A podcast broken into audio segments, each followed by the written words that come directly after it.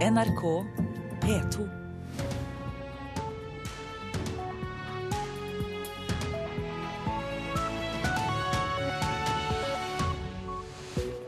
Og Med dette ønsker Øystein Heggen deg velkommen til eh, Nyhetsmorgen. Vi fortsetter med disse sakene. Kommunene får eh, mer i statsbudsjettet, hørte vi i Dagsnytt. Eh, men hva ellers kan vi vente oss i budsjettet? Vi får hjelp til analysen av sjeføkonom Steinar Juel. Studiestøtten har stått på stedet hvil i mange år. Studentene krever et kraftig løft i statsbudsjettet. Og vi skal høre mer om undersøkelsen som viser at tusenvis av bergensere puster inn helseskadelig luft. Kommunene får mer penger. Etter det NRK erfarer, legger regjeringen opp til en reell vekst på 7,3 milliarder kroner i kommunenes samlede inntekter neste år. I tillegg kommer 500 millioner kroner ekstra i statsbudsjettet til vedlikehold av kommunale bygg for å bekjempe arbeidsledighet. Stortingets møte er lovlig satt. Statsråd Siv Jensen vil overbringe to kongelige proposisjoner. Sånn hørtes det ut for akkurat ett år siden i Stortinget. Og om få timer i dag skal finansminister Siv Jensen igjen legge fram den viktigste av de kongelige proposisjonene, for folk flest i alle fall, nemlig neste års statsbudsjett. Samtidig styrker vi de viktigste velferdsområdene. Hun kommer sikkert til å si noe lignende i dag, og etter det vi i NRK har god grunn til å tro, får kommunene 7,3 milliarder kroner mer til neste år. 4,7 milliarder av dette er vekst i det som kalles frie inntekter, som kommunene kan bruke som de vil. Nesten i alle fall, for litt over halvparten kommer til å gå til pensjoner og det det koster å få flere eldre eller yngre i kommunene. Resten kan kommunene bruke til å styrke eksempel rusomsorg, psykisk helse, skoler eller eldreomsorgen. Siden i fjor har oljeprisen stupt, og arbeidsledigheten stiger i et alarmerende tempo. Det kommer derfor en egen tiltakspakke for å holde ned arbeidsledigheten. Kommuner får 500 millioner kroner ekstra til vedlikehold. De kan eksempel pusse opp slitte skoler og sykehjem, som det finnes mange av. Så fort opposisjonen får mulighet, kommer de til å kritisere så mye de kan, da kommer regjeringa, etter det vi i NRK vet, til å svare at kommunene har fått et større reelt handlingsrom under denne blå regjeringa, sammenligna med de siste årene i den rød-grønne perioden. Vi tar politiske valg for å bygge landet for fremtiden. Og reporter var Linda Reinholdsen. Ja, jeg har allerede annonsert at du sitter her, Steinar Juel. God morgen. God morgen. Du er sjeføkonom i Nordea Markets, så la oss ta det siste først her. Økt støtte til kommunene, hvorfor er det viktig? Ja, Kommunene jo, står for mye av tjenesteytingen overfor eh, oss vanlige mennesker. Eh, og de er litt sånn mellom barken og veden på den måten at de, eh, vi stiller krav for dem med god skole, god eldreomsorg og idrettsanlegg osv. Og så får de pålegg fra staten gjennom vedtak i Stortinget og det meste av inntektene kontrolleres av staten. Eh, så de har ikke så mye kontroll selv over, over hvordan de skal gjennomføre de tingene de, skal, de, er pålagt å gjøre.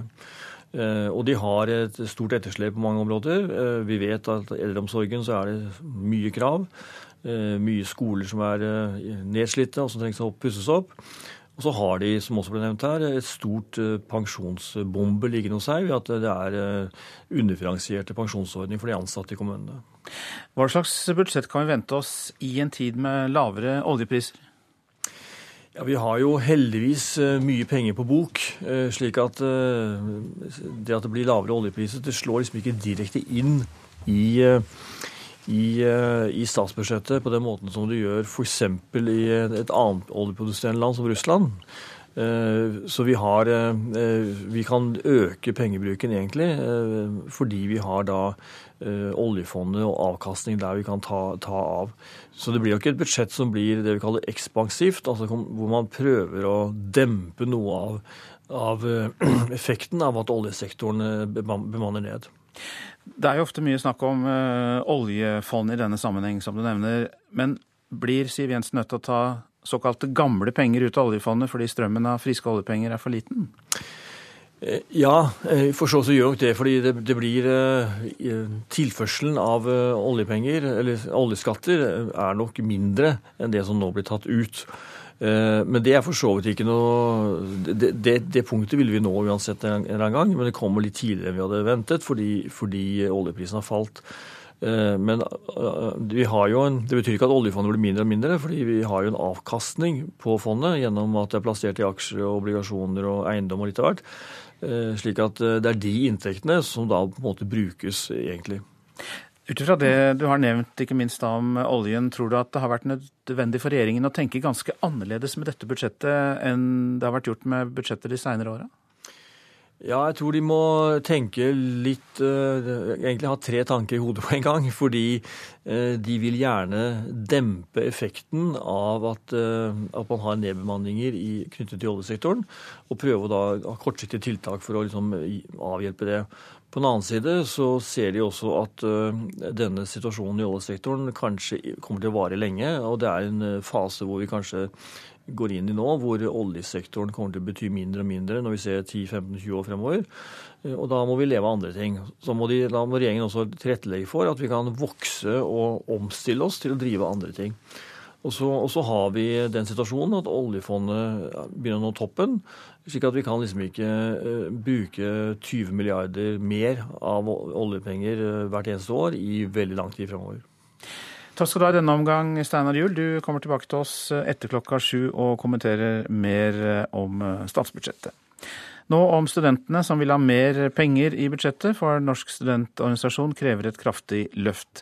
I dag går studentene 3800 kroner i minus hver måned, målt etter referansebudsjettet for husholdninger fra Statens institutt for forbruksforskning. Og student Ivar Hereide Mansåker har 2000 kroner igjen hver måned til mat, telefon og fritidsaktiviteter når husleia er betalt. Det går jo mest til leia, så klart. Og så går det en del penger til transport. Det koster jo en del å ta T-banen koster jo en 400 kroner i måneden. Og så går det òg mye til mat, og så litt til telefon og Ivar Hereide Mansåker forteller hva de 7000 kronene han får i studielån hver måned går til. Han sier han ikke ville klart seg uten sparepenger. Nei, da måtte jeg fått, eh, da måtte jeg fått hjelp av mamma og pappa, eller fått mer lån, eller måtte hatt mer jobb. Nå får studentene litt over 100 000 kroner i stipend og lån i løpet av studieåret fra Statens lånekasse for utdanning. Altfor lite, mener Therese Eia Lerøyen, leder i Norsk studentorganisasjon. Når vi vet at ni av ti studenter enten får økonomisk støtte hjemmefra eller har deltidsjobb, så viser det at det er behov for et reelt løft, og at dagens nivå ikke lar studentene bruke nødvendig med tid på studiene sine. Hun vil at regjeringen skal gi studentene en kraftig gavepakke i statsbudsjettet som legges fram i dag. Mer stipend vil gjøre at flere studenter gjennomfører, for størrelsen på stipend og lån har ikke økt med den generelle prisstigningen, mener NSO. Når studentene bruker såpass mange timer på deltidsjobben, så går det utover studiene. Så der tror jo vi at frafallet ville ha blitt minska hvis den økonomiske situasjonen ville blitt bedre. Vi forstår at studentene vil ha mer penger. Sier kunnskapsminister Torbjørn Røe Isaksen. Ifølge NSO går studentene i minus med 3800 kroner i måneden hvis de skal leve i henhold til budsjettet til Statens institutt for forbruksforskning. Vi skal ha en studiestøtte som er så god at det er mulig å studere på heltid. Så mener jeg det er positivt at man også jobber litt ved siden av studiene. Eh, og det at man har en deltidsjobb og jobber litt på somrene, jobber litt i feriene, kanskje en kveld eller to i uka, det mener jeg er fullt ut forenlig med å være en god og flittig student. NSO frykter at uh, noe av frafallet ved, fra høyere utdanning skyldes at folk ikke har råd til å, til å studere. Hva, hva, tenker du om den påstanden?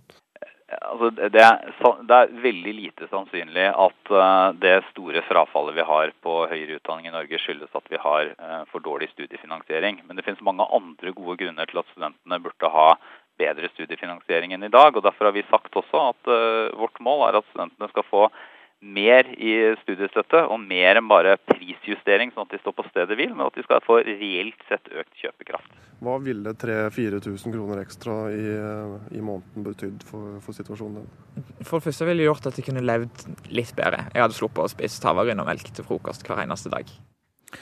Reportere her Ellen Omland og Helge Karlsen.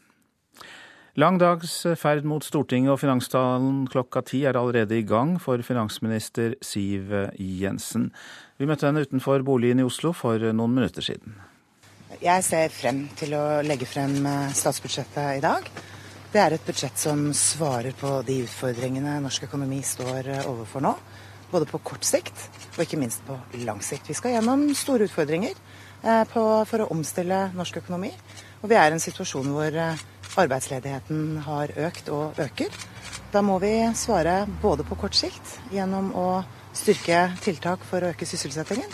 Og vi må svare på lang sikt gjennom å omstille økonomien. og Derfor er dette et veldig godt tidspunkt for å også legge frem en skattereform på. Hvor godt fornøyd er du?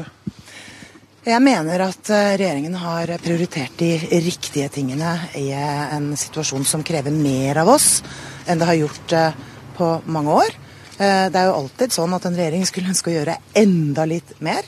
Men jeg mener vi har prioritert de viktige og riktige tingene nå for å styrke norsk økonomi og trygge arbeidsplasser fremover. Hva lærte dere av budsjettbråket i fjor, og hva gjør dere annerledes nå for å få gjennom dette med Venstre og Kristelig Folkeparti? Det var eh, veldig mye bra også i budsjettet for i år. Ikke minst fordi vi styrket samferdsel betraktelig. Vi styrket helseutgiftene, vi styrket kunnskapsbudsjettet og vi reduserte skatter.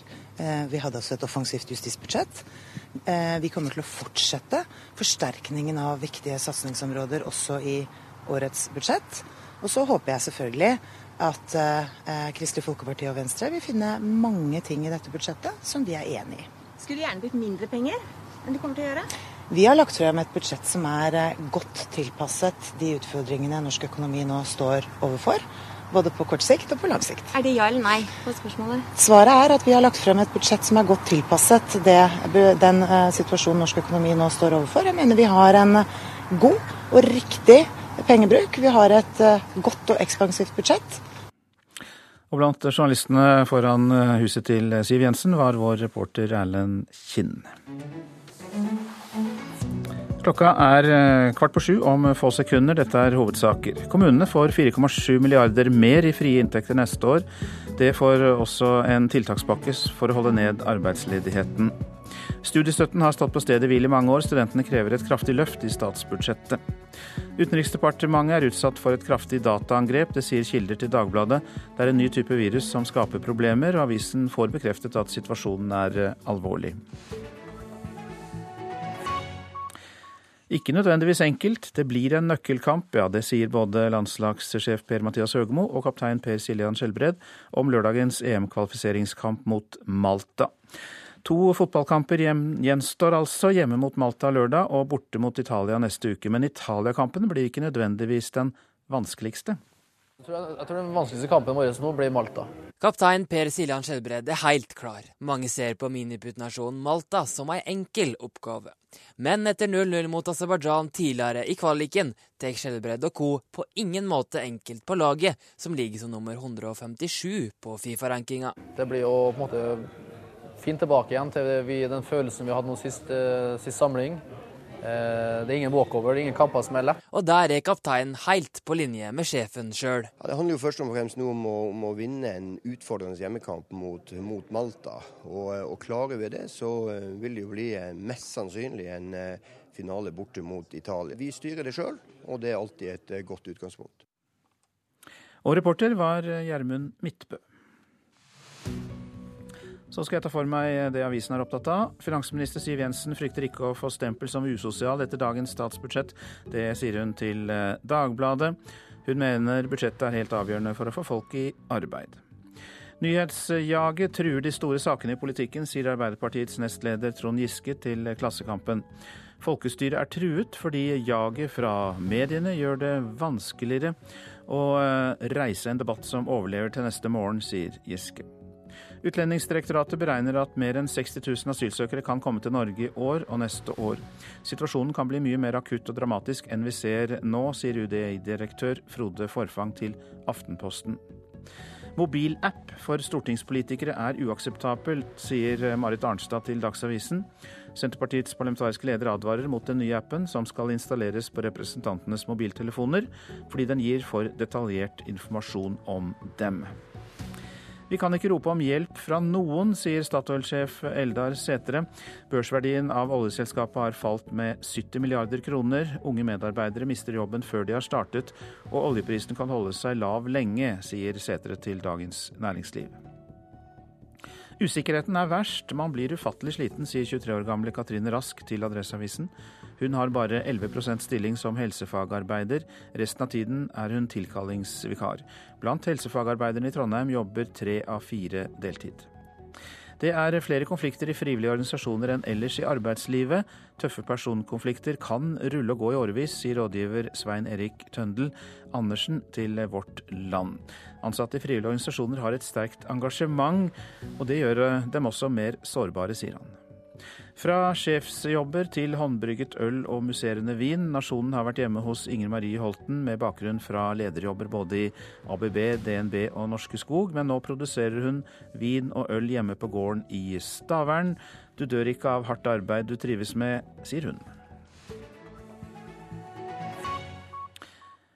Ja, Vi hørte det i Dagsnytt også at uh, mange tusen bergensere bor i områder med helseskadelig luft, opp mot 2000. Det viser en kartlegging fra Meteorologisk institutt. Før helgen så ble Norge dømt i EFTA-domstolen fordi lufta i flere byer ikke er i tråd med internasjonale krav. Nei, Det er jo ikke bra. Og Spesielt ikke når det er leiligheter der. At folk skal bo der òg. Det er jo ikke bra i det hele tatt. Den kommunale leiligheten der Marianne Alver bor, ligger tett opp mot Puddefjordsbroen og tunnelinnslaget til Løvstadtunnelen. At nye kart fra Meteorologisk institutt viser at lufta i området er helseskadelig, overrasker ikke Alberg. Det er jo veldig mye trafikk om ettermiddagen og morgenen, og veldig mye bråk. Så da tilsier at det må være mye forurensning. I går fortalte NRK at en må nesten tre år tilbake for å finne den siste ekstremmålinga av nitrogendioksid, NO2, ved de offisielle målepunkter i byen. Likevel viser nye kartlegginger gjort av Meteorologisk institutt at mellom 1000 og 2000 innbyggere bor i områder der konsentrasjonen av NO2 er høyere enn de internasjonale grenseverdiene tillatt. Altså det at 1000 til 2000 personer lever i områder med eh, fare for helseskadelig luft, er 1000 eller 2000 personer for mye. Det sier Endre Tvinnereim, som de siste fire åra har representert byluftlisten i bystyret i Bergen. Før helga ble det klart at Norge ble dømt i EFTA-domstolen grunnet de høye gjennomsnittsmålingene av NO2.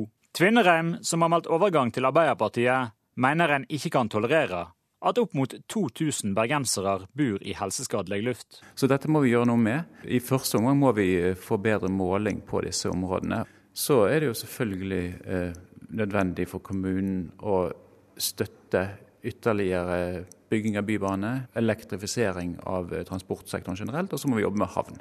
Det er uakseptabelt fordi det gjelder, eh, selvfølgelig. Vi må begrense eh, spesielt rushtidstrafikken. Avtroppende byutviklingsbyråd Henning Warloe fra Høyre mener bergenspolitikerne må bli kvitt problemet så snart som mulig. Og vedgår at det sittende byrådet forlenger ledværa og setter inn vanskelige tiltak. Min konklusjon var nok i veldig stor grad at eh, byrådet ikke hadde vært villig til å gå langt nok. Eh, og at det hadde vært en, en litt, litt, for stor eh, skal vi si sånn motstand mot å gjøre en del eh, upopulære tiltak. Vi må ha, kunne ha en ambisjon om at vi skal komme dette problemet helt til livs, og at ingen innbyggere i Bergen skal behøve å være utsatt for forurensning over det som er tillatt. Og jeg tror det er realistisk å komme dit. I tillegg til Danmarksplass viser de nye karta at deler av sentrum, Gyllenpris, Møhlenpris, Laguneområdet, Loddefjord og Nesttun trolig har områder med høyere forurensning enn det som er lovlig. Syns jeg at det er synd, for det er jo et sentrumsnært område, og det er mange barnefamilier som bor her. Det ser Frida Fluge, som nylig har flytta til Gyllenpris. Hun syns det er skammelig at bylufta i Bergen og andre norske byer ikke er god nok til å møte internasjonale miljøkrav. Det syns jeg er veldig dumt. Jeg syns jo at vi i Norge skulle hatt eh, ressurser til å bekjempe den forurensningen som er. Den reportasjen var laget av Sølve Rydland. Det må bli like gunstig for private bedrifter å sponse kulturlivet som det er å sponse idretten. Det mener André Støylen, sjef for Sparebankstiftelsen DNB, Norges største sponsor av kultur. I dag presenterer kulturminister Toril Vidvei kulturbudsjettet for neste år. Ikke minst så vil finansministeren og undertegnede jobbe for å se på skatteinsentiver som kan være med på å utløse mer privat kapital inn i kulturlivet. Skatteinsentiver, eller skattefordeler, for private som vil gi penger til kulturformål. Det var kulturminister Toril Vidveis tydelige mål da hun la fram kulturbudsjettet i fjor. I dag klokka ti, når neste års kulturbudsjett legges fram, får vi svar på om hun har lykkes. Skal hun det, må det bli like gunstig for bedriftene å støtte kulturen som det er å støtte idretten, mener André Støylen. Hvis man vil ha flere private bedrifter til å støtte kulturen, så bør man nok også se på skattesystemet. Støylen er administrerende direktør for Norges største private kulturfinansiør, Sparebankstiftelsen DNB. Han peker på en skjevhet i skattesystemet som gir idretten en fordel over kulturen. Ja, det er jo nå slik at Bedrifter som sponser idrett, de eh, kan få trekke fra den utgifta. Mens det er ikke mulig når det gjelder kultursponsing eller humanitær eh, sponsing. Når næringslivet sponser idretten, blir det sett på som reklame og man slipper å skatte av pengene. Men slik er det ikke om man sponser kultur, er Støylens poeng. Det er denne forskjellen han nå håper kommer i statsbudsjettet. Det ville være et uh, håp og ønske fra min side at det ble mer likebehandling mellom idrett og kultursponsing, ja. Til nå har kulturministeren brukt andre måter å lokke privat kapital til kulturfeltet.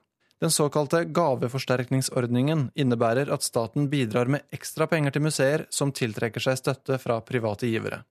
I år er det allerede kjent at ordningen vil bli utvida, men den har fått kritikk for ikke å klare å utløse nye midler. Det å lokke fram nye aktører på grunnlag av dette tror jeg er nokså håpløst. Det sier Jakob Lund, tidligere sponsorsjef i DNB, men som nå driver selskapet Sponsor Konsult. Han mener kulturministerens prosjekt har dårlige forutsetninger for å lykkes. De menneskene som vil inn i kultursektoren med midler, de tror jeg har funnet sin plass allerede. Reporter Magnus Lutnes Aas. I det fjerne hører vi musikk oppe fra leiren. Det er grinemusikken som spiller gammel jegermarsj. Vi får høre at det er stor parade der inne. Fangene er nå frie menn, selv om de ennå må holde seg innenfor gjerdet. Og de er i glimrende humør. Norge er fritt, og Grini, denne forhatte fangeleiren, er i dag et stykke av det frie Norge. Ja, vi kastet et blikk bakover 70 år i tid. Det hørtes slik ut da fangene på Grini ble satt eh, fri. Og nå skal viktig krigshistorie formidles enda bedre på Grini i Bærum. Museet for den største tyske fangeleiren under andre verdenskrig får to millioner kroner over statsbudsjettet for å ruste opp utstillingen. Og det er på tide, mener Rolf Olaf Håvik, en frivillig omviser som selv satt på Grini. Det syns jeg er veldig bra, og, og, absolutt på tide at det kommer. Men spesielt mens det enda er noen som har opplevd uh, leiren. Og Rolf Olav Håvik har opplevd den. Han satt på Grini da han var 17 år gammel, etter å ha blitt tatt for å lage en radiosender. Nå er han 88 og bruker fritiden på å fortelle om det han opplevde. Vi var jo en generasjon som vokste opp uh, med tyskerne på uh, dørterskelen her. Så vi var liksom tilvant at det var litt farlig å leve. Det var i grunnen det. Og når vi satt her som fanger, så så vi jo eh, Bærums eh, skiløpere gikk like forbi, og syntes det var veldig sårt å være fange da, da. Det var trist. Håviks minner er sterke og gripende å høre om, men museet trenger sårt en oppussing. I det lille lokalet er det samlet gjenstander som fangene lagde, våpen, skilt, en fangedrakt og en modell av en Gestapo-vakt. For noen år siden kom en av fangebrakkene tilbake til Grini. Den står tom. Nå er det håp for at den kan innredes. Det har Mette Tønder, Akershus-representant for Høyre på Stortinget, jobbet for. Jeg tenker at jeg er nesten siste generasjon som har det i meg at å høre at noen blir sendt på Grini, det legger en sånn vond, stem, vond eh, ting i magen min. Eh, og jeg er så utrolig opptatt av at eh, barn i alle generasjoner skal få lov til å, vite det samme og ta det med seg, den kunnskapen om det som skjedde her. Rolf Olav Håvik ble etter hvert keramiker i leiren, og han fikk stilt sulten ved å bytte til seg poteter mot små suvenirer som han lagde til andre fanger. Han husker detaljert fra hverdagslivet i leiren, og glemmer aldri en beryktet fangevakt som het Konse. Hans arbeid på Grini var å plage oss fanger. Og så hadde han alltid de der fordømte brune hanskene, så han dasket deg i ansiktet. Kunne, har du ikke lært å hilse, menneske? Skal jeg ta deg et kurs, kanskje? Han gikk der og blåste seg opp. Han var et null, egentlig. Men han gjorde jo jobben sin, da. Han gjorde jo det. Og det var Else Karine Archer som hadde laget denne reportasjen fra Grini. Nå til værvarselet, og vi tar Langfjella først. Østlig sterk kuling utsatte steder i vest. Regn av og til i sør. Litt regn av og til også i nord. Nedbør som snø over ca. 800 meter. Så var det fjell i Sør-Norge unntatt Langfjella. Sørøst stiv kuling utsatte steder. Oppholdsvær. Perioder med litt sol, særlig da i nordlige områder. Østlandet får oppholdsvær, kort og greit. Telemark østlig liten kuling på kysten. I ettermiddag minkende vind. Perioder med regn, vesentlig i sørvestlige områder av Telemark. Og vi går til Aust-Agder, som får østlig liten kuling på kysten. Vest for Torungen periodevis stiv kuling. I kveld minkende vind. Perioder med regn, mest nedbør nær kysten. Vest-Agder østlig sterk kuling på kysten. Kan hende liten storm de mest utsatte stedene. Perioder med regn, men mest nedbør nær kysten. Rogaland østlig sterk kuling utsatte steder, litt regn mest i sør. Hordaland øst og sørøst stiv og til dels sterk kuling utsatte steder og i fjellet. Utover dagen minkende til stiv kuling. Det blir litt regn av og til. Sogn og Fjordane får sørøst stiv kuling utsatte steder. I kveld liten kuling. Litt regn av og til, men det blir lite nedbør i indre strøk. Møre og Romsdal sørøst liten kuling i utsatte fjordstrøk og i fjellet. Det blir oppholdsvær. I ettermiddag tilskyende fra sørvest. Trøndelag sørøst stiv kuling, utsatte steder ellers pent vær, men seint i ettermiddag mer skyet. Nordland fra Bodø og sørover østlig liten kuling utsatte steder, for det meste pent vær. Troms periodevis liten sørøstlig kuling utsatte steder og pent. Finnmark sørøst liten kuling utsatte kyst- og fjordstrøk, stort sett pent vær. Og Nordensjøland på Spitsbergen oppholdsvær. Temperaturer klokka fem. Svalbard lufthavn og Kirkenes én plussgrad. Vardø 4, Alta minus 1, Tromsø minus 3, Bodø pluss 6, Brønnøysund og Trondheim 7, Molde, Bergen og Stavanger 10, Kristiansand 8, Gardermoen 5, Lillehammer 5, Røros 2 og Oslo-Blindern 6.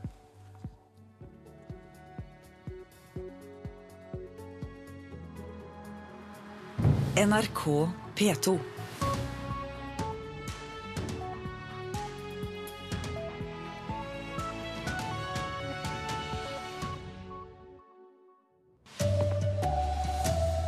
Statsbudsjettet vil bidra til flere arbeidsplasser og hjelpe omstillingen fremover, sier finansminister Siv Jensen. Og klokka ti i formiddag så får vi svaret på hvordan hun skal få til det. Her er NRK Dagsnytt klokka sju ved Anne Jetlund Hansen.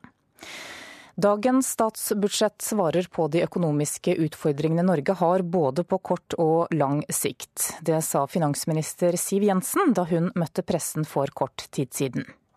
Jeg ser frem til å legge frem eh, statsbudsjettet i dag. Det er et budsjett som svarer på de utfordringene norsk økonomi står eh, overfor nå. Både på kort sikt og ikke minst på lang sikt. Vi skal gjennom store utfordringer eh, for å omstille norsk økonomi. Og vi er i en situasjon hvor arbeidsledigheten har økt og øker. Da må vi svare både på kort sikt gjennom å styrke tiltak for å øke sysselsettingen og vi må svare på lang sikt gjennom å omstille økonomien. og Derfor er dette et veldig godt tidspunkt for å også legge frem en skattereform. Hvor godt fornøyd er du? Jeg mener at eh, regjeringen har prioritert de riktige tingene i en situasjon som krever mer av oss enn det har gjort eh, på mange år. Eh, det er jo alltid sånn at en regjering skulle ønske å gjøre enda litt mer. Men jeg mener vi har prioritert de viktige og riktige tingene nå. Ja, Sjeføkonom Steinar Juel i Nordea Markets, hvilke tiltak trengs i dette budsjettet dersom Siv Jensen skal greie å få til det hun sier her? Det er riktig som hun sier, at eh, hun må gjøre noe som på kort sikt gjør at eh, folk som blir ledige, kan eh, hjelpes over i ny jobb, eventuelt omskoleres og aktiviseres, slik at ikke de går ledige. Det er veldig viktig. Men samtidig så er det viktig at de ikke bruker så mye penger nå at uh, man uh, kommer i en situasjon hvor krona styrkes igjen. For det, det er noe av det viktigste vi har, har, nå, som bidrar til omstilling, er at krona har svekket seg så mye som den har gjort. Og det er veldig viktig å ivareta. Ja, hvilken rolle spiller fallet i oljeprisen inn på dette budsjettet? Ja, Det spiller nokså mye inn, fordi det, det har, eh, vil ha betydning for inntektene for norsk økonomi på lang sikt. Eh, utsiktene der er svakere, og det betyr at vi trenger å omstille oss og, og tilpasse en situasjon hvor veksten i økonomien blir klart lavere fremover enn det vi har vært vant til. Pluss at vi nå får en eh, periode hvor ledigheten kommer til å stige en del, som også regjeringen må håndtere.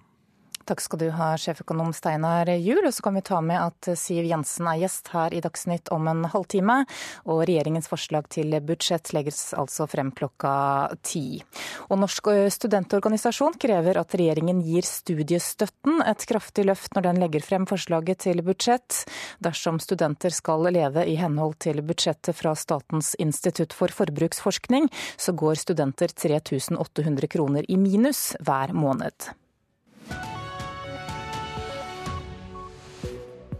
Og eh, vi, hva kan vi forvente i statsbudsjettet? Sjeføkonom Steinar Juel fortsetter med sine kommentarer også her i Nyhetsmorgen. Volkswagen må i dag redegjøre for hvordan de kan oppfylle tyske miljøstandarder, ellers kan modeller med juksemotor miste tysk godkjenning. Det var et feilgrep, sier USAs øverstkommanderende. Vi skal til høringen i USAs kongress om USAs bombing av et sykehus i Afghanistan som kostet 22 menneskeliv. Utsette, utsette og utsette. Det kan være fristende, men det kan gå på helsa løs, skal vi høre om også i Nyhetsmorgen. Økningen i oljepengebruken på 24 milliarder kroner skal være med å finansiere skattelettelser. Det er noen av punktene i statsbudsjettet som legges fram senere i dag. Helse og samferdsel er blant vinnerne i budsjettet, men også kommunene tilgodeses med mer penger. Det er klart at eh, Når jeg hørte på nyhetene til morgen da, at de ser på både toppskatt og de ser på skattene til oss eh, vanlige folk i gata, det betyr mye for oss, selvfølgelig. Folk på gata i Oslo har ulike forventninger til statsbudsjettet som legges frem klokken ti i dag. Men av de vi møtte, var flere særlig interessert i skattelettelser, avgiftsendringer og ikke minst pensjon. Hva er du mest opptatt av? Pensjon, selvfølgelig. Dette er jo noe vi skal ha resten av livet. Ja. Eldreomsorg f.eks. Ja.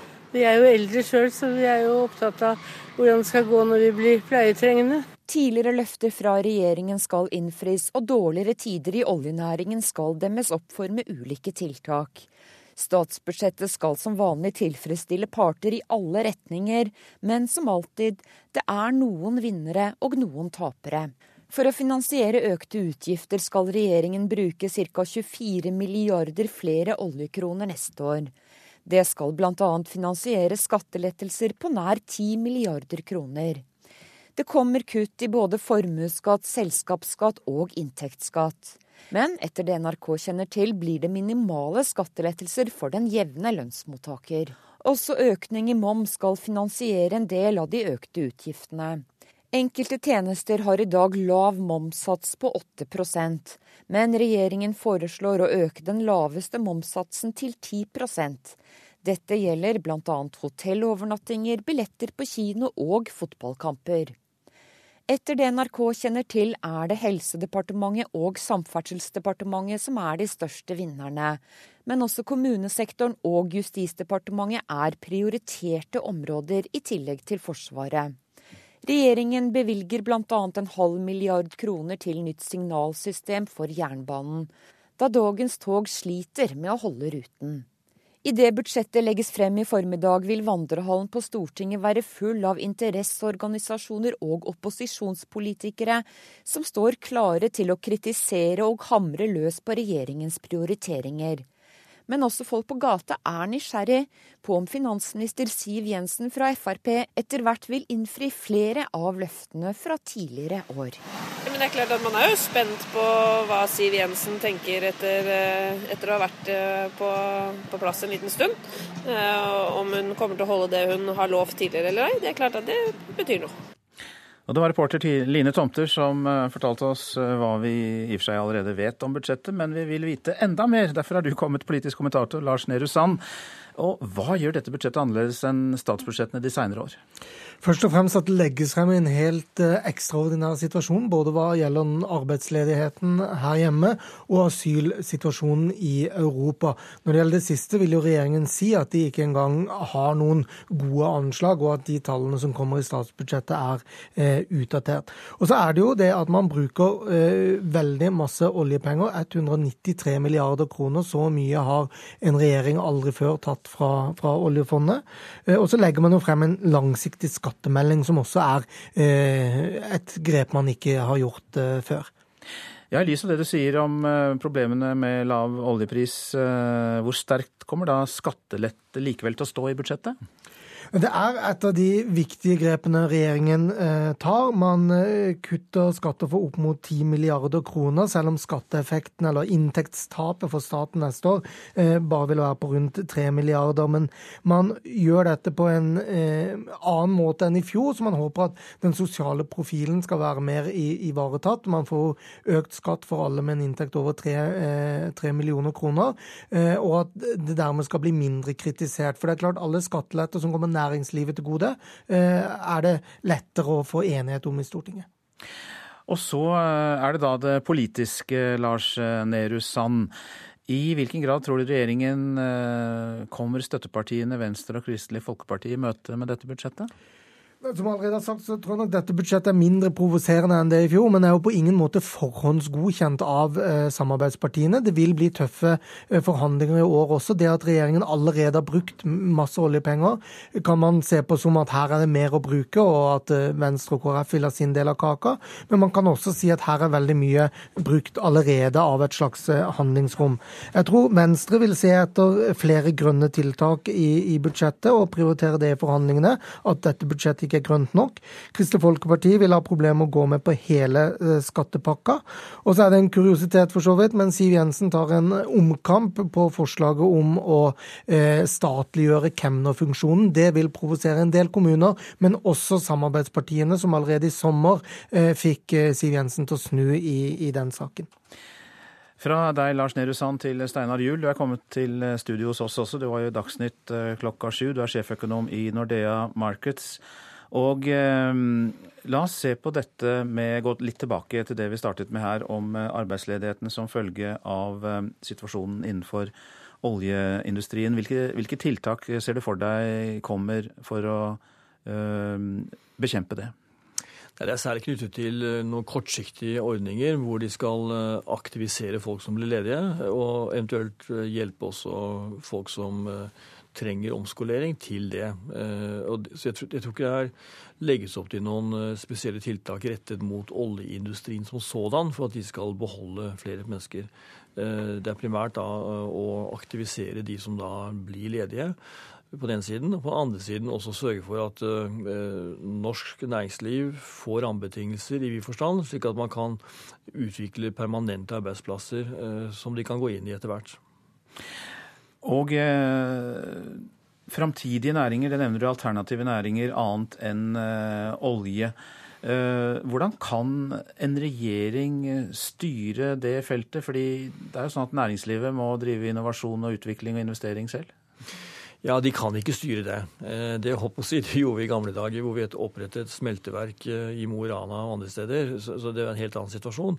Men, men eh, nå er dette mer å legge til rette for at næringslivet kan vokse. Og da er skattepolitikken er noe av det, men det aller, aller viktigste er å ta vare på den eh, konkurranseevneforbedringen vi har fått gjennom at krona har svekket seg med 20% Det er nesten det viktigste regjeringen kan gjøre. Å, og da må man passe på å ikke bruke for mye penger, for da kan krona styrke seg igjen. Lars Nehru Sand, er dette det aller viktigste egentlig som regjeringen står overfor nå, som utfordring? Ja, det er det jo her innenriks eh, ved siden av asylsituasjonen. Den er kanskje enda mer uoversiktlig på sett og vis. Det regjeringen gjør som et viktig grep, eh, er ifølge mine kilder en tiltakspakke på 4000 tiltaksplasser som skal hjelpe akutt eh, steder i landet. Og så vil man bruke 2,5 milliard kroner på bygg og vedlikehold, som skal være ganske spesifikk, men også et reversibelt tiltak hvis det blir bedre økonomiske tider. Og så har man 1 milliard på næring næring og innovasjon. Eh, det gjør at man bruker eh, totalt, som vi allerede er kjent, 4 milliarder kroner for å bekjempe ledighet eh, rent kortsiktig for, for neste år. Og så kommer regjeringen med forslag til skattereform. Det er jo da ikke skattereformen slik den blir, for dette skal jo forhandles om. Men hva kan vi vente oss der, Steinar Juel? Ja, det er jo, det regner med at skattereformen vil bygge på Scheel-utvalget. En skatteutvalg som kom eh, på høsten i fjor, eh, som foreslo kort fortalt at de vil redusere bedriftsbeskatningen. Eh, og da gjøre en del endringer også i personbeskatningen som tilpasses dette. Og ut fra det som er lekket til nå, så tyder det på at man også allerede i budsjettet for 2016 tar steg den veien. Så man gjør altså kom en melding om en reform som man allerede starter i budsjettet nå. Og det, det er egentlig litt bakvendt vei å gjøre det på. Normalt tidligere har vært at man kom med en melding, og så begynner man å gjennomføre det etterpå. Så, så dette kan komplisere også selve diskusjonen om eh, skattereformen, at man allerede i budsjettet nå tar et ganske stort steg, hvis eh, lekkasjene er riktige. For denne skattereformen Lars Nehru Sand, den skal jo aller helst ha mest mulig støtte i Stortinget?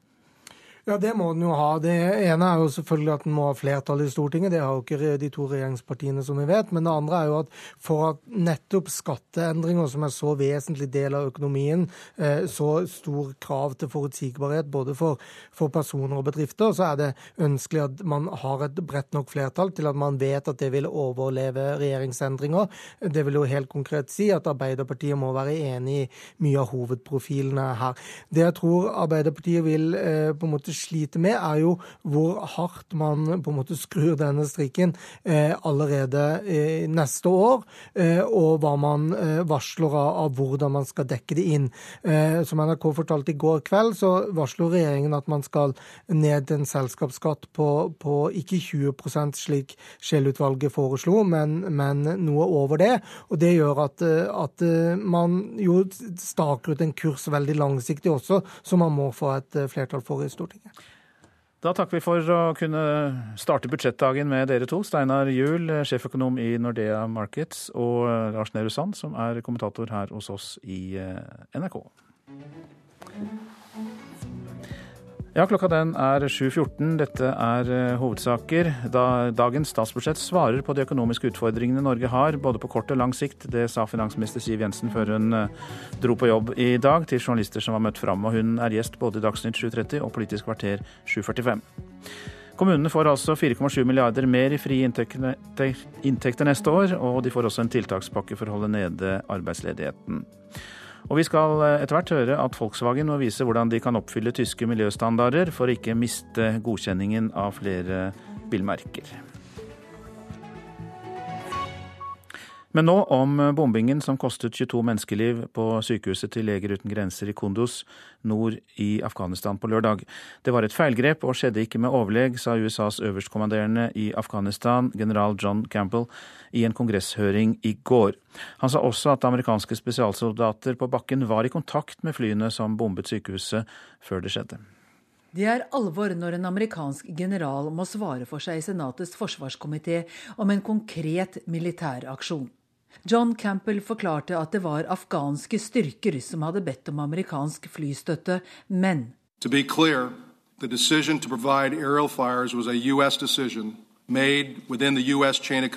For å være klar, avgjørelsen om å angripe med fly ble tatt av USA innenfor USAs kommandokjede. Sykehuset ble rammet ved et feilgrep. Vi ville aldri pekt ut en beskyttet medisinsk institusjon som mål, sa landets øverstkommanderende i Afghanistan.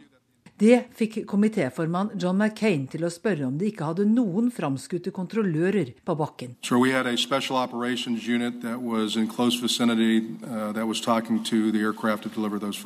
Vi hadde en gruppe spesialsoldater like i nærheten, og de snakket med flygerne som bommet, svarte general Campbell. Svaret kom uten noen forklarende tillegg om hvordan spesialsoldatene kunne ta så feil. Campbell tegnet et bilde av en afghansk hær med store mangler når det gjelder ledelse, koordinering og ikke minst flystøtte. De har to fungerende Mi-35-helikoptre, noen flere Mi-17, pluss noen andre, sa USAs øverstkommanderende i Afghanistan. Ved inngangen av året hadde de fem Mi-35, men tre er altså av en eller annen grunn ute av funksjon. Han har lagt fram flere alternative forslag som innebærer at USA ikke reduserer sitt nærvær til alminnelig ambassadenivå fra januar 2017, slik planen er. Provides uh, our, our senior leadership with options above and beyond Forslagene vi har sendt ut, gir våre øverste ledere alternativer som går utover normalt ambassadenærvær. Forslagene er basert på de endringene som har funnet sted i Afghanistan i de siste to årene, sa general Campbell, underforstått Talibans framgang på slagmarken. Og det var eh, vår korrespondent i USA, Gro Holm, som eh, leverte den rapporten. Storbritannias statsminister David Cameron går på talerstolen i Manchester i dag, der det konservative partiet altså har sitt landsmøte. Folkeavstemningen om EU-medlemskap og innvandring til Storbritannia er to viktige temaer på møtet. og Korrespondent Espen Aas, du er i Manchester. I går så sa innenriksminister Theresa May fra talerstolen at det er altfor mange innvandrere i Storbritannia. og Har hun med seg Cameron der? Theresa May er utvilsomt den moderne jernkvinnen i partiet, og er også en av dem som virkelig står steilt mot EUs asyl- og innvandringspolitikk. Den delen av talen hennes ble lekket i god tid før hun holdt den, og, Cameron ble da spurt bl.a. i et intervju med BBC hva hans syn rundt innvandring var, og han sa at eh, jo da, vi er for innvandring, men vi må ha en kontrollert eh, innvandring. Han ble da kjørt videre på om dette var riktig analyse av henne, at ikke Storbritannia snarere trengte eh, innvandrere. Men Cameron fortsatte da for så vidt, i likhet med Theresa Mays eh, linje, å si at ofte er det feil innvandrere som kommer til Storbritannia, og feil innvandrere som blir værende, og at Storbritannia nå mer enn før ønsker å ha en mer skal vi si, skreddersydd innvandring, hvor det er den arbeidskraften som landet trenger, som får bli, og de andre, vel, de må finne på noe annet å gjøre. Vi ser vel en stor kontrast mellom to store europeiske land, mellom Storbritannia og Tyskland. Altså Angela Merkel har, har valgt å åpne landet for asylsøkere og flyktninger. Hva sier Torner, du har snakket med i Manchester, om flyktningkrisen? Tysklands åpen dør-politikk den har både blitt kritisert og faktisk latterliggjort her på uh, landsmøtet til uh, toryene. Uh, noe lignende vil ikke komme på tale her i, i Storbritannia. Regjeringens linje her, og her har den store deler av partiet bak seg, er å ikke ta inn noen av de flyktningene som har ankommet EU, e men i stedet da hente trengende, som det heter, fra leire i nabolandene rundt Syria. Det er blitt gjentatt gang etter gang her at altfor mange asylsøkere i all hovedsak er lykkejegere, folk som ønsker en bedre økonomisk fremtid for seg selv, og ikke i like stor grad folk som flykter fra nød og forfølgelse. Ifølge Theresa May så er to tredeler, eller faktisk tre firedeler, noe mindre, noe mer, eh, av de som søker asyl her, er unge menn i 20-årene. Og så er det dette med EU-skepsis og folkeavstemning. For eh, hva er det ventet at Cameron kommer til å si om denne folkeavstemningen? Om EU-medlemskap, altså? Ja, Det er jo det aller mest spennende, og det er det alle prater om her når du snakker med dem utenfor eh, møtesalen. Og Mange lurer jo på har han klart å uh, komme noen vei med dette. Fordi uh, Det store spørsmålet er hva slags forbedret avtale klarer David Cameron å forhandle med EU. Og Nå om dagen så spørs det jo hvor mye de andre EU-landene er interessert i å snakke med Cameron om dette, nettopp pga. flyktningkrisen som vi var innom. Men en slags timeplan. Når kan vi forvente oss oss at det blir arrangert en folkeavstemning, og hva slags eh, frist setter han for seg selv og partiet til å få reforhandlet eh, avtalen som Storbritannia i dag har med EU, for å få en løsere tilknytning, slik at Storbritannia i mye større grad enn i dag selv kan bestemme, bl.a. i flyktningpolitikken og arbeidsinnvandringen. Mange takk skal du ha, korrespondent Espen Aas, som altså eh, er på Torrienes landsmøte i Manchester for oss. I Brasil har nesten 40 mennesker mistet livet pga. Eh, denguefeber så langt i år. Det er det største antallet på 25 år. De fleste dødsfall har skjedd i staten Sao Paulo, opplyser brasilianske helsemyndigheter. Denguefeber er en virusinfeksjon som overføres eh, gjennom stikk fra smittebærende mygg. I ettermiddag skal Volkswagen etter planen legge fram forslag til hvordan selskapets dieselbiler skal oppfylle nasjonale miljøstandarder. Hvis ikke kravene innfris, kan tyske myndigheter trekke tilbake godkjenningen av modellene som omfattes av utslippsskandalen. Ich hoffe, dass VW jetzt schnell äh, die notwendige Transparenz herstellt und die Dinge aufarbeitet. Jeg håper at Volkswagen ganske raskt viser den nødvendige åpenhet i denne saken, sa den tyske forbundskansleren Angela Merkel til radiokanalen Deutschland Funk søndag, før hun satte seg på flyet til India, der hun denne uka er på statsbesøk. I helga skrev avisa Bilt at toppingeniører i Volkswagen allerede i 2005 hadde bestemt seg for å jukse på dieseltestene, og i 2008 skal teknologien ha vært på plass. Volkswagen har innrømmet at 11 millioner biler verden over er omfattet av skandalen, der dieselmotorer viser lavere utslipp enn reelt under miljøtester. Under et lukket møte med de ansatte i Wolfsburg i går gjorde fagforeningsleder Bernt Osterlo det klart at de ansatte ikke skal måtte lide for eventuelle feil lederne har begått. Han sa at ingen jobber i Volkswagen står i fare umiddelbart, men at alle prosjekter og investeringer skal gjennomgås. I ettermiddag skal Volkswagen etter planen legge frem forslag til løsning for hvordan selskapets dieselbiler skal oppfylle nasjonale miljøstandarder.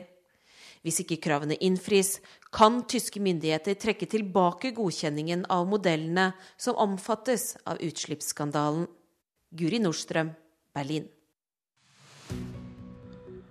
Og så var det det avisene er opptatt av her. Nyhetsjaget truer de store sakene i politikken, sier Arbeiderpartiets nestleder Trond Giske til Klassekampen. Folkestyret er truet fordi jaget fra mediene gjør det vanskelig å reise en debatt som overlever til neste morgen, sier Giske. Utlendingsdirektoratet beregner at mer enn 60 000 asylsøkere kan komme til Norge i år og neste år. Situasjonen kan bli mye mer akutt og dramatisk enn vi ser for øyeblikket, sier UDI-direktør Frode Forfang til Aftenposten. Mobilapp for stortingspolitikere er uakseptabelt, sier Marit Arnstad til Dagsavisen. Senterpartiets parlamentariske leder advarer mot den nye appen som skal installeres på representantenes mobiltelefoner, fordi den gir for detaljert informasjon og kan true deres personvern. Vi kan ikke rope om hjelp fra noen, sier Statoil-sjef Eldar Sætre. Børsverdien av oljeselskapet har falt med 70 milliarder kroner. Unge medarbeidere mister jobben før de har startet, og oljeprisen kan holde seg lav lenge. Det sier Sætre til Dagens Næringsliv. Usikkerheten er verst, man blir ufattelig sliten, sier 23 år gamle Katrine Rask til Adresseavisen. Hun har bare 11% stilling som helsefagarbeider, resten av tiden er hun tilkallingsvikar. Blant helsefagarbeiderne i Trondheim jobber tre av fire deltid. Det er flere konflikter i frivillige organisasjoner enn ellers i arbeidslivet. Tøffe personkonflikter kan rulle og gå i årevis, sier rådgiver Svein Erik Tøndel Andersen til Vårt Land. Ansatte i frivillige organisasjoner har et sterkt engasjement for jobben sin, men det gjør dem også mer sårbare, sier han. Fra sjefsjobber til håndbrygget øl og musserende vin. Nasjonen har vært hjemme hos Inger Marie Holten med bakgrunn fra lederjobber både i ABB, DNB og Norske Skog, men nå produserer hun vin og øl hjemme på gården i Stavern. Du dør ikke av eh, hardt arbeid du trives med, sier hun. Vi har vel alle opplevd at oppvasken venter, at bikkja skal luftes og at huset skal ryddes. Ønsket om å utsette oppgaver og ligge på sofaen er nok ganske vanlig. Men vi skal høre at det nærmest kan gå på helsa løs for studenter å utsette store og viktige oppgaver. Oppvasken. Stå opp. Vær flink og sludre. Ja. Oppvasken, å gå tur med hund og gå til tannlegen. Dette er dagligdagse ting som vi vet at vi må gjøre. Men av og til så kan det være så utrolig lite fristende å skride til verks og få oppgaven gjort. Men det fins et visst skille mellom slike vanlige gjøremål og det som blir kalt for prokrastinering. Det er et eh, vanskelig ord, men eh, det betyr rett og slett vanemessig utsettelsesatferd. Og det er spesielt vanlig blant studenter.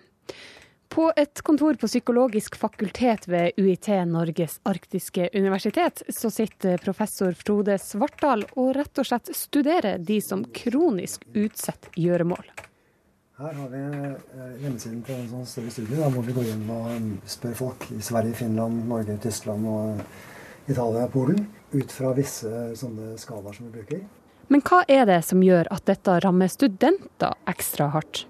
Studiesituasjonen er eh, ganske krevende. Du skal prestere, ikke sant. Du har høye forventninger. Andre har forventninger til deg. Eh, og så er det vanskelig ofte. Og så er det slik at oppgavene er ikke kortsiktige, men de er langsiktige. Du skal ha eksamen om tre måneder, ikke sant. Som gjør det veldig lett å utsette. Så situasjonen er spesiell, altså. Og den, eh, den gir typisk eh, litt for mye utsettelse. Professoren har sammen med ei forskningsgruppe i flere andre land undersøkt ulike utvalg av studenter, og i hvor stor grad de prokrastinerer. Og tallene de er høye i hele verden, i Norge så vel som i Polen og i USA. Det viser rett og slett at eh, studenter de liker å ta ting som de kommer, og nyte tida som student uten altfor mye press og stress. Problemet for studenter er at, eh, at det er viktige ting som utsettes. ikke sant? Um, og det er det som gjør det seriøst. Altså, det å vente med oppvasken til i morgen, det, det, er ikke så ille. Men det å vente med å lese, det er veldig dumt. Og det har uh, konsekvenser. Ok, Så forskeren mener at dette er et problem for studentene, og at de gjør det altfor ofte. Kjenner da studentene seg igjen i denne beskrivelsen? Jeg sitter og jobber med et investeringsfag. Er det sånn at du gjør det her i siste liten? Litt. Jeg burde kunne mer enn jeg kan, for å si det sånn. Ved et bord i kantina på universitetet sitter økonomistudentene Andrea Lundqvist, Sara Engstad og Emilie Naustad. De tre innrømmer at det av og til kan være litt vanskelig å strukturere tida si rett og få gjort alt som skal gjøres. Det er litt vanskelig, for det er veldig uh, ulikt videregående. Nå må du jo ta ansvar for alt du gjør sjøl, det er jo ingen som egentlig bryr seg om du gjør noe. Det går jo kun utover deg sjøl, så det er litt uh, vanskelig, egentlig. Hender det at uh, du gjør ting i stedet for å lese til eksamen eller gjøre oppgaver? ja. Hver dag. ja, og denne reportasjen var laget av Sigrid Agnete Hansen. Air France eh, vil kutte ytterligere 5000 arbeidsplasser hvis en ny kuttplan går igjennom. Denne nedskjæringen kommer da i tillegg til de allerede planlagte 2900 jobbene selskapet vil legge ned. Det er kilder i fagforeningen som sier dette til eh, nyhetsbyrået Reuters. Air France har ikke lykkes med å få til en avtale med flygerne i selskapet om å øke antallet arbeidstimer uten å øke lønna. Og denne planen har skapt voldsomme protester i eh, Air France. Du lytter altså til Nyhetsmorgen. Produsent i dag Arild Svalbjørg. Eh, her i studio nå, Øystein Heggen. Latter minsker både stress og smerte. Derfor hyrer argentinske barnesykehus inn eh, klovner. Hør mer om latter som medisin i reportasjen etter Dagsnytt. Og I Politisk kvarter er selvfølgelig statsbudsjettet tema. Dit kommer finansminister Siv Jensen, men først skal hun innom Dagsnytt nå straks.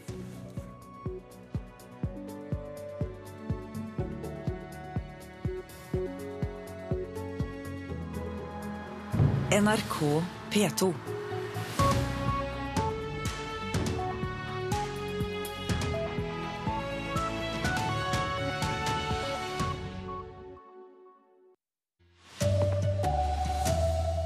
Jeg gleder meg veldig til å legge frem dette budsjettet, fordi det svarer på de utfordringene vi nå står overfor.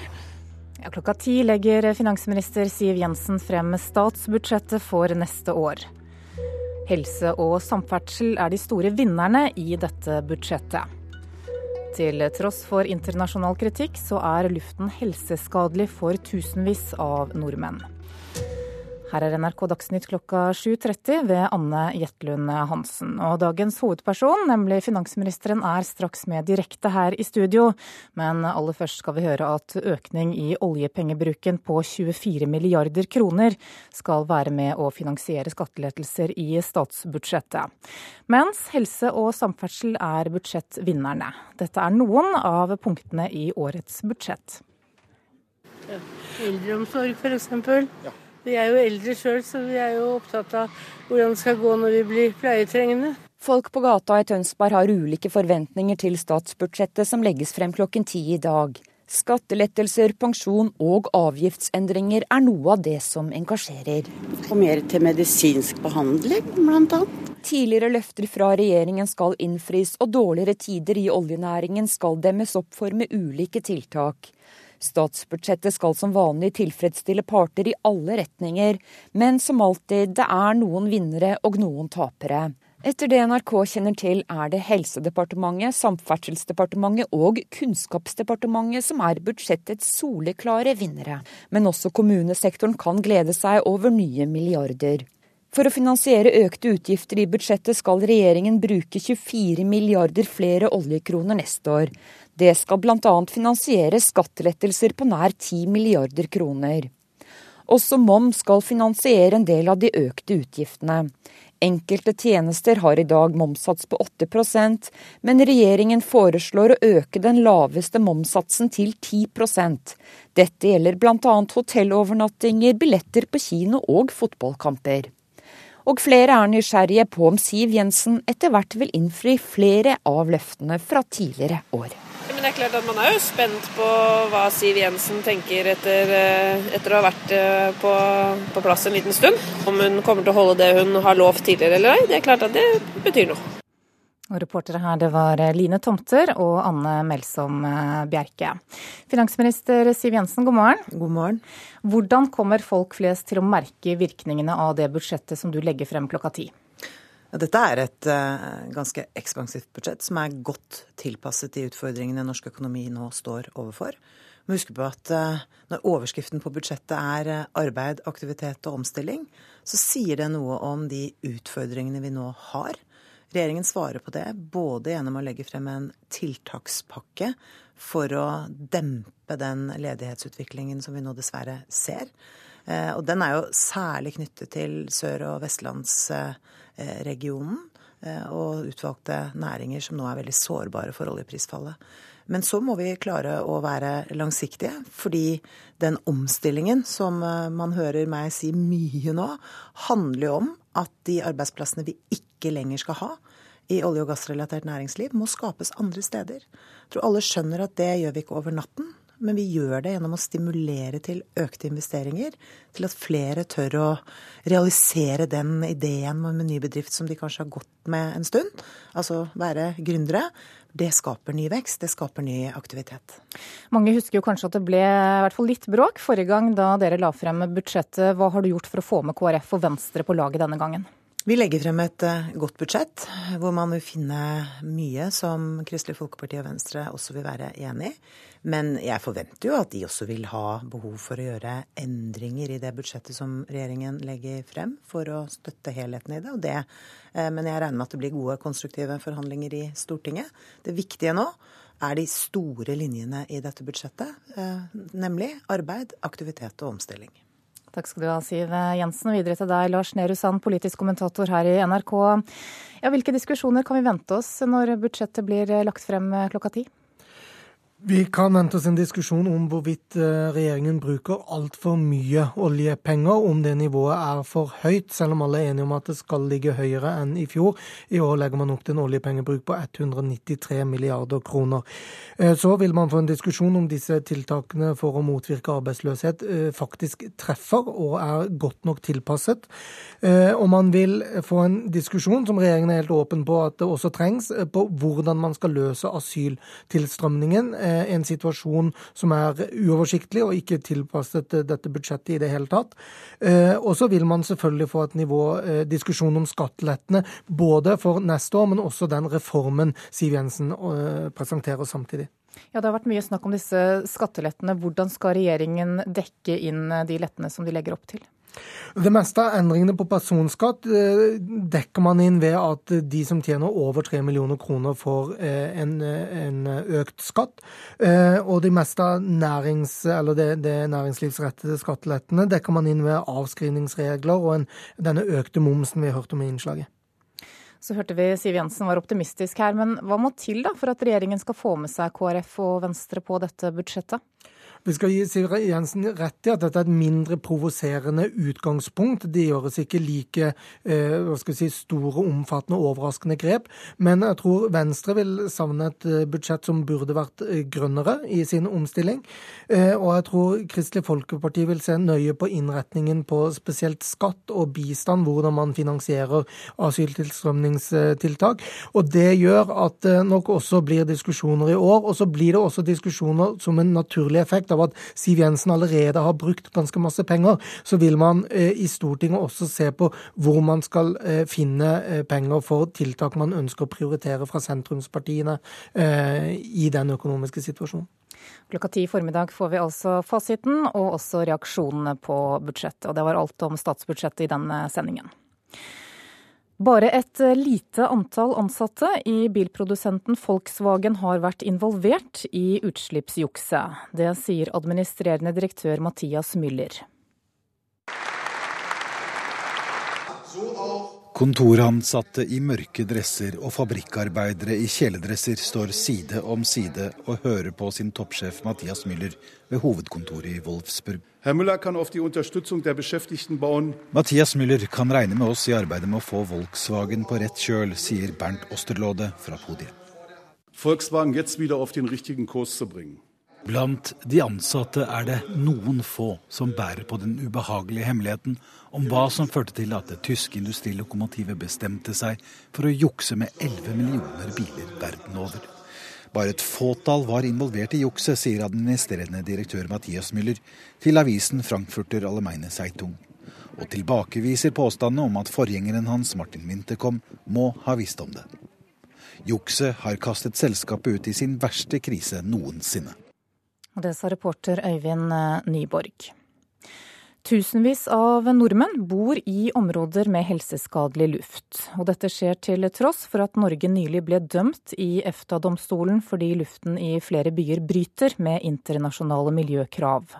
I Bergen bor opp mot 2000 mennesker i områder med for dårlig luft, viser nye målinger. Nei, Det er jo ikke bra. Og Spesielt ikke når det er leiligheter der. At folk skal bo der òg.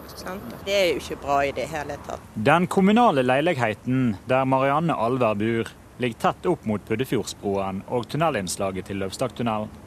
At nye kart fra Meteorologisk institutt viser at lufta i området er helseskadelig, overrasker ikke Alver. Det er jo veldig mye trafikk om ettermiddagen og morgenen, og veldig mye bråk. Så da tilsier at det må være mye forurensning. I går fortalte NRK at en må nesten tre år tilbake for å finne den siste ekstremmålinga av nitrogendioksid, NO2, ved de offisielle målepunktene i byen.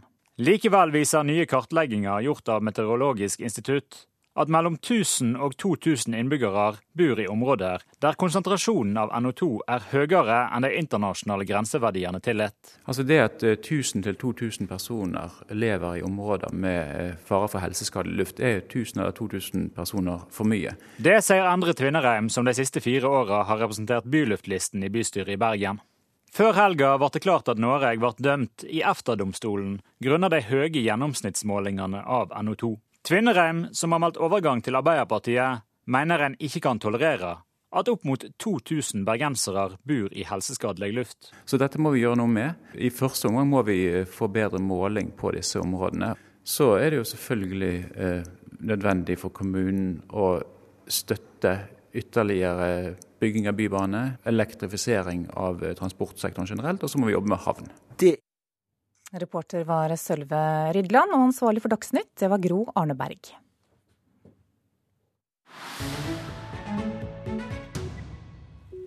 I Nyhetsmorgen skal vi til Argentina. Der er det innført en lov som krever at offentlige sykehus som behandler barn, må hyre inn profesjonelle klovner.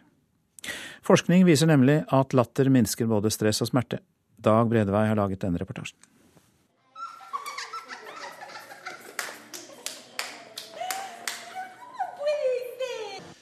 En klovn ikledd sykepleieruniform og med knallrød nese og lepper inne på en avdeling for små barn. Laura Gomez er mor til en liten syk gutt. Hun skryter av den nye loven om at sykehus som behandler barn, er pålagt å hyre inn profesjonelle klovner. Para traerle alegría a los chicos, porque estar en un hospital tampoco es muy agradable ¿no? para los chicos. Ablegøyene gir barna glede. Det trenger de, for det å være på sykehus er trist, sier moren til to måneder gamle Santino.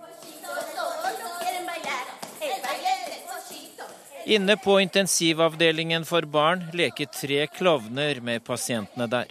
Argentina er det første landet i verden der myndighetene har pålagt offentlige sykehus å hyre inn profesjonelle klovner. Det sier Andres Kogan ved det store barnesykehuset Malvinas Argentinas i storbyen Buenos Aires.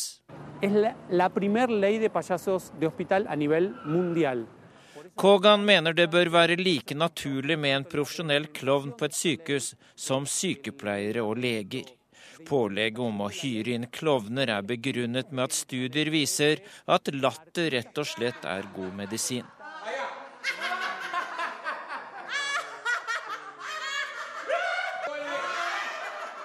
Argentina viser til et forskningsstudie ved Loma Linda-universitetet i USA i fjor, der det slås fast at latter reduserer stressnivå og minsker smerte.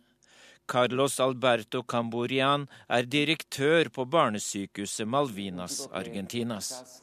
Eh, tiene que recibir una medicación y hay que hacerle un pinchazo en una vena. Junto con los clowns, ese pinchazo duele menos. Hvis et barn skal ha en sprøyte, gjør det mindre vondt med en klovn i rommet, sier sjefen til nyhetsbyrået Associated Press. Han hevder til og med at barn klarer å bevege muskler som de ikke kunne bevege tidligere, fordi musklene er stimulert gjennom latter. Un chico que no puede caminar porque tiene alguna lesión, junto con los clowns, es probable que se estimule a mover sus músculos de manera mucho más efectiva.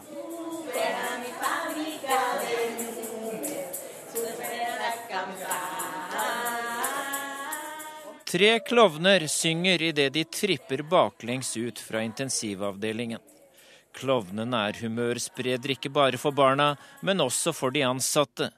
Sykepleier Susanna Sjokobar sier at arbeidsmiljøet er blitt bedre. Det er langt hyggeligere å gå på jobb nå.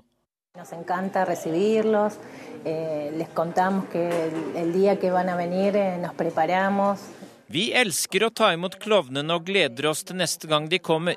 Det var i august at myndighetene vedtok en lov som påbyr offentlige sykehus å bruke profesjonelle klovner. De er ikke bare humorister, de har også bakgrunn innen helsefag. Flere er psykolog.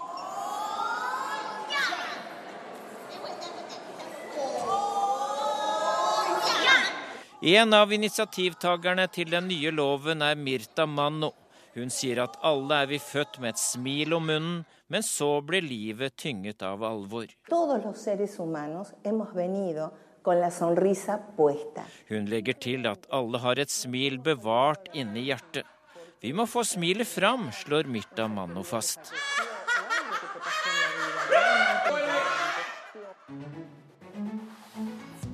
Dette er hovedsaker i Nyhetsmorgen. Helse og samferdsel er de store vinnerne i statsbudsjettet. Økningen i bruken av oljepenger på 24 milliarder kroner skal være med å finansiere skattelettelser i budsjettet. Bare et lite antall ansatte hos bilprodusenten Volkswagen har vært involvert i utslippsjukset. Det sier administrerende direktør Mathias Müller. Volkswagen må i dag vise hvordan de kan oppfylle tyske miljøstandarder. Norge ble nylig dømt i EFTA-domstolen fordi luften i flere byer bryter med internasjonale miljøkrav. I Bergen bor opp mot 2000 mennesker i områder med for dårlig luft, viser nye målinger. Og så gjør vi oss klare til å lytte til Politisk kvarter, og der er Bjørn Myklebust programleder.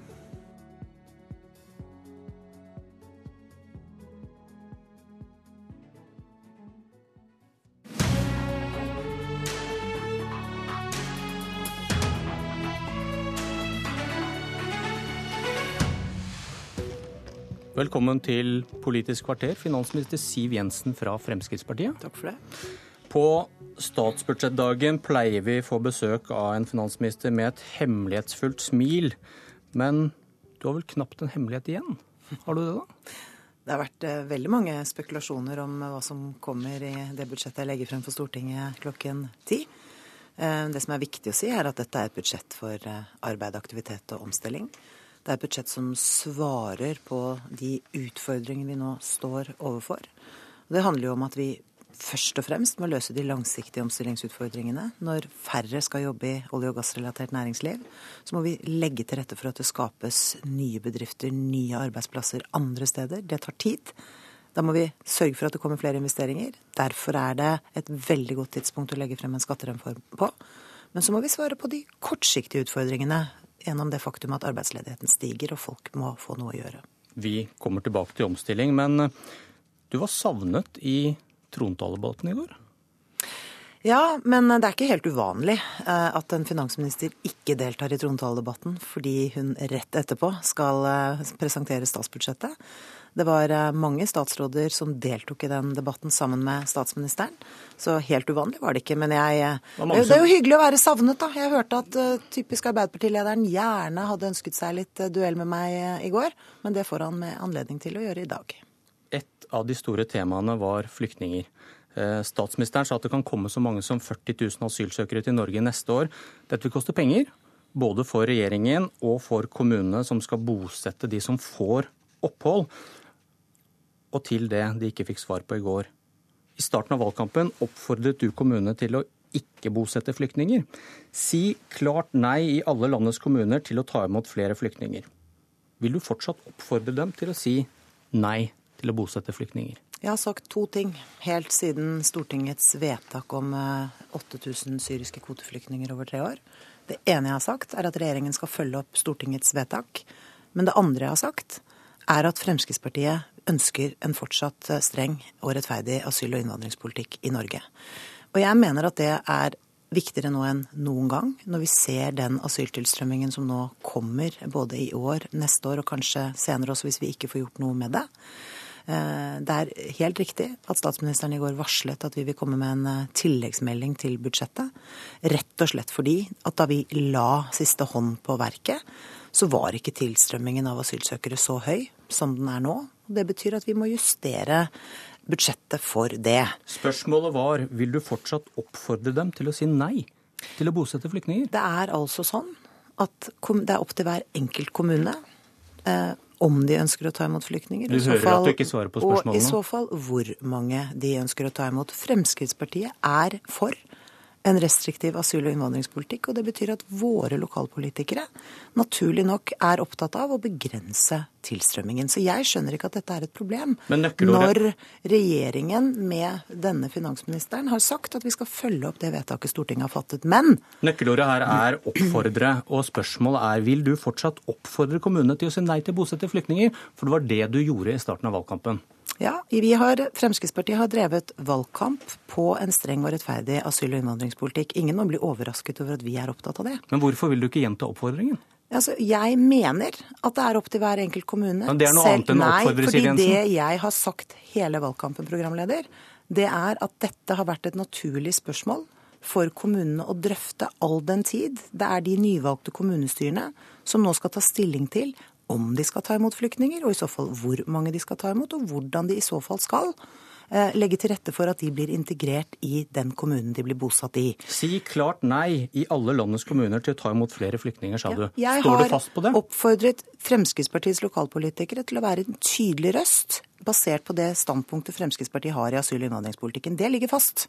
Eh, og men du nekter å... å si det igjen. Hvorfor, hvorfor, vil du ikke gjenta de ordene? Jo, men jeg... Skjønner du at folk lurer på hvorfor Nei, finansministeren og partilederen vil gjenta en oppfordring om det i situasjonen vi har i dag? Det jeg tror folk lurer på, er hvordan vi nå skal løse den tilstrømmingen som vi nå ser. Det kommer altså mange ganger flere asylsøkere til Norge enn det som var grunnlaget for diskusjonen om 8000 syriske flyktninger. Det kommer ikke bare til å representere en utfordring for staten Norge eller den enkelte kommune. Det er skattebetalerne i Norge som skal være med på å finansiere dette. Det kommer til å by på store utfordringer. Derfor er det viktig at regjeringen, når vi nå jobber med tilleggsnummeret som skal legges frem for Stortinget i månedsskiftet, snur alle steiner for å se på hvordan vi skal håndtere dette på en rimelig måte. Og er det i hvert fall én ting som er viktig nå, så er det at vi sørger for rask retur av de som kommer hit som ikke skal få opphold i Norge. For det er mange som nå kommer hit som ikke har grunnlag for opphold. Men du sier det selv, situasjonen har blitt enda mer krevende. Det har kommet flere og banket på vår dør, i tillegg til disse 8000 kvoteflyktningene. Og Da må vel beveggrunnen for å gjenta denne oppfordringen være enda sterkere enn 15. august når du sa det? Ja, Ingen må være overrasket over at Fremskrittspartiet både i storting og landets kommuner er opptatt av en streng og rettferdig asyl- og innvandringspolitikk. Vi var det i sommer, vi er det nå, og vi kommer til å jobbe det vi kan for å få begrenset tilstrømmingen til Norge. Dette kommer ikke til å være håndterbart på sikt.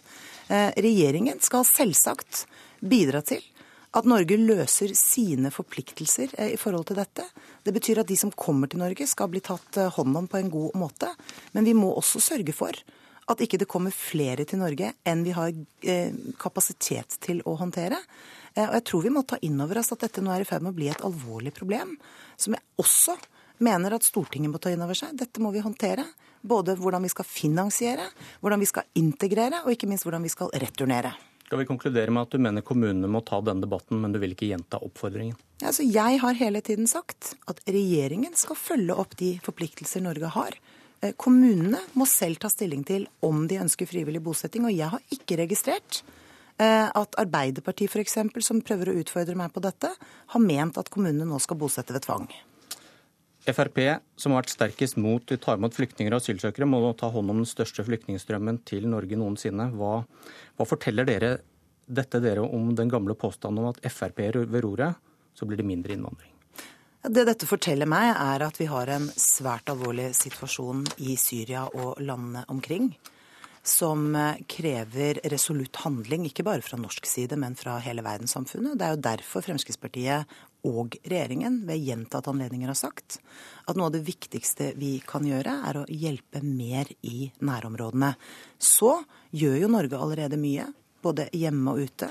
Vi har nå tatt et initiativ til en giverlandskonferanse for å få fylt på de bidragene FN har etterspurt til hjelp i nærområdene. Der er det mange mennesker som sulter, som mangler tak over hodet, som ikke har rent vann. Eh, og man, det er ikke vanskelig å forstå at de i en sånn situasjon legger ut på farefulle båtferder over eh, havet for å se om det er mulig å finne bedre, bedre eh, livsgrunnlag andre steder. Men det vil representere en utfordring med de tilstrømmingene som vi nå ser. Og det er nettopp derfor vi må ta det alvoret innover oss og diskutere både hvordan vi skal håndtere dem som vil få lovlig opphold i Norge på en god måte, og hvordan vi samtidig skal raskt og effektivt returnere dem som ikke vil få lovlig opphold i Norge. Men det er verden der ute og krigene som bestemmer hvor mange som kommer til Norge. Frp kan ikke påvirke det så mye. Ja, altså Vi påvirker det vi kan påvirke, og det er jo nettopp derfor det er viktig for meg å understreke at de eh, tiltak vi kan iverksette, som gjør at færre finner det interessant å komme til Norge, ja, det mener jeg vi skal iverksette. Og det handler bl.a. om rask retur av mennesker som ikke vil få opphold i Norge. Det mener jeg er en viktig del av det arbeidet vi nå står i. Vi skal hjelpe dem som rettmessig har krav på å komme, og de skal bli tatt hånd om på en skikkelig måte. Men eh, vi må være helt tydelige og resolutt på at det er mange som vil bli returnert, og de vil bli returnert hurtig. Omstilling. Erna Solberg sa i går i dette studio hvis du bare blåser opp offentlig sektor, skader du den langsiktige omstillingen. Og det samme sier vel du?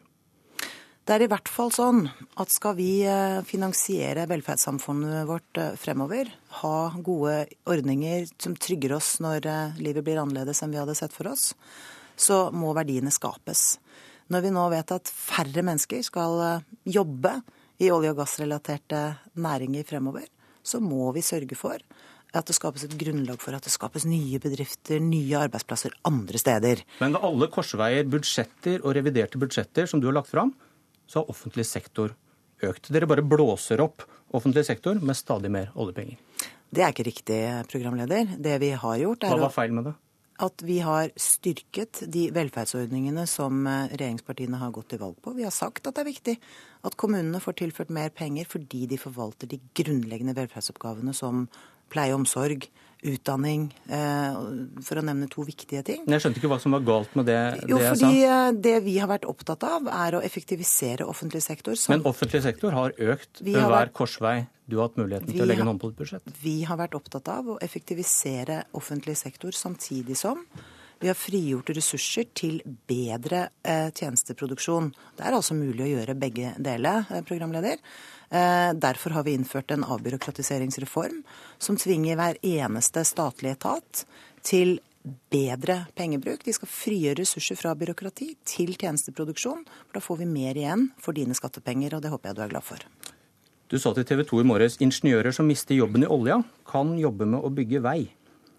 Og da illustrerer du vel et poeng om at dere bruker oljepenger øker offentlig sektor, skaper offentlige arbeidsplasser, og så går da de som har jobbet i det private, til offentlig sektor. Det offentlig sektor stjeler ressurser fra private. Nei, det, det motsatte av omstilling. Det jeg forsøkte å illustrere på TV 2 i morges, var at den kompetansen som ingeniørene representerer, har vært etterspurt i store deler både av norsk næringsliv eh, og eh, eh, offentlig sektor i mange år.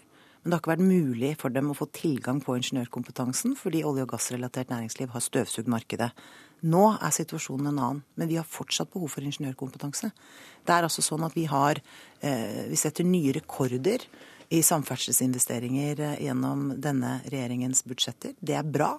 Fordi god infrastruktur gjør, eh, bedre, gir bedre lønnsomhet for næringslivet vårt. Kortere reiseavstander, kortere reisetid. Eh, og man krever altså rett og slett god ingeniørkompetanse for å planlegge og legge til rette for at den veibyggingen kan gå så smidig og rask og effektiv som mulig. Det er jo også en viktig del av veibyggingen. Få mer igjen for hver krone vi bruker på samferdselsprosjekter. Og historien er lang når det gjelder ja, ikke bare vellykkede prosjekter, da, kan du si, hvor man har brukt unødvendig mye penger på administrasjon og planlegging. Men eh, du mener da det er viktig at de store pengene bidrar til investering og omstilling? Ja, fordi det er det som skaper nye arbeidsplasser på sikt. Men dette er jo ikke noen enkel løsning. Det er altså sånn eh, at det å legge til rette for at noen tør å investere pengene sine i nye bedrifter fremover, eh, det skal vi være veldig glad for. Men da handler det om å legge frem eh, en skattereform, som regjeringen har varslet at vi vil gjøre i dag, som nettopp skal bidra til at vi frigjør kapital til nye investeringer i nytt næringsliv. Men du, den aller største lekkasjen du selv kom med før budsjettet, 2,7 milliarder kroner til gifte og samboende pensjonister. Hvordan bidrar det til omstilling? Det er eh, slik at når eh, regjeringen finansierer eh, vekst i helsebudsjettene, så har ikke det så mye med omstilling å gjøre, men det har å gjøre med at vi også skal trygge gode, viktige samfunnsoppgaver. Det å sørge for at vi har rask pasientbehandling handler om trygghet for helsa vår, og det er like viktig selv om vi også prioriterer de store pengene på arbeid, aktivitet og omstilling. Og vi har lovet men her bruker du de store vi, pengene til å blåse og, opp offentlige utgifter, og det er ikke noe som bare kan trekkes tilbake. Nei, vi har lovet eh, landets pensjonister at den urimelige avkortingen i grunnpensjon for gifte og samboende pensjonister skal eh, endres. Og nå leverer vi på et viktig løfte Fremskrittspartiet har gitt gjennom mange, mange år. Hva med å kutte? Hva med å prioritere noe ned, istedenfor å stikke hånda ned i oljekrukka hele vi, tiden? Vi gjør eh, begge deler. Eh, I fjor godt eksempel? I fjor fikk vi mye kritikk fordi vi evnet å omprioritere. Vi omprioriterer også i år. Vi viderefører denne avbyråkratiseringsreformen som jeg snakket om, som handler om å stille et effektiviseringskrav til alle statlige etater. Det er ikke alle som syns det var gøy. Men det er altså en reform flere land har innført, nettopp fordi det handler om en mer effektiv bruk av skattebetalernes penger. Eh, vi gjennomfører mange store, viktige reformer nå i hele staten, som igjen handler om å få mer igjen for pengene, slik at vi kan frigjøre ressurser til andre og viktigere oppgaver.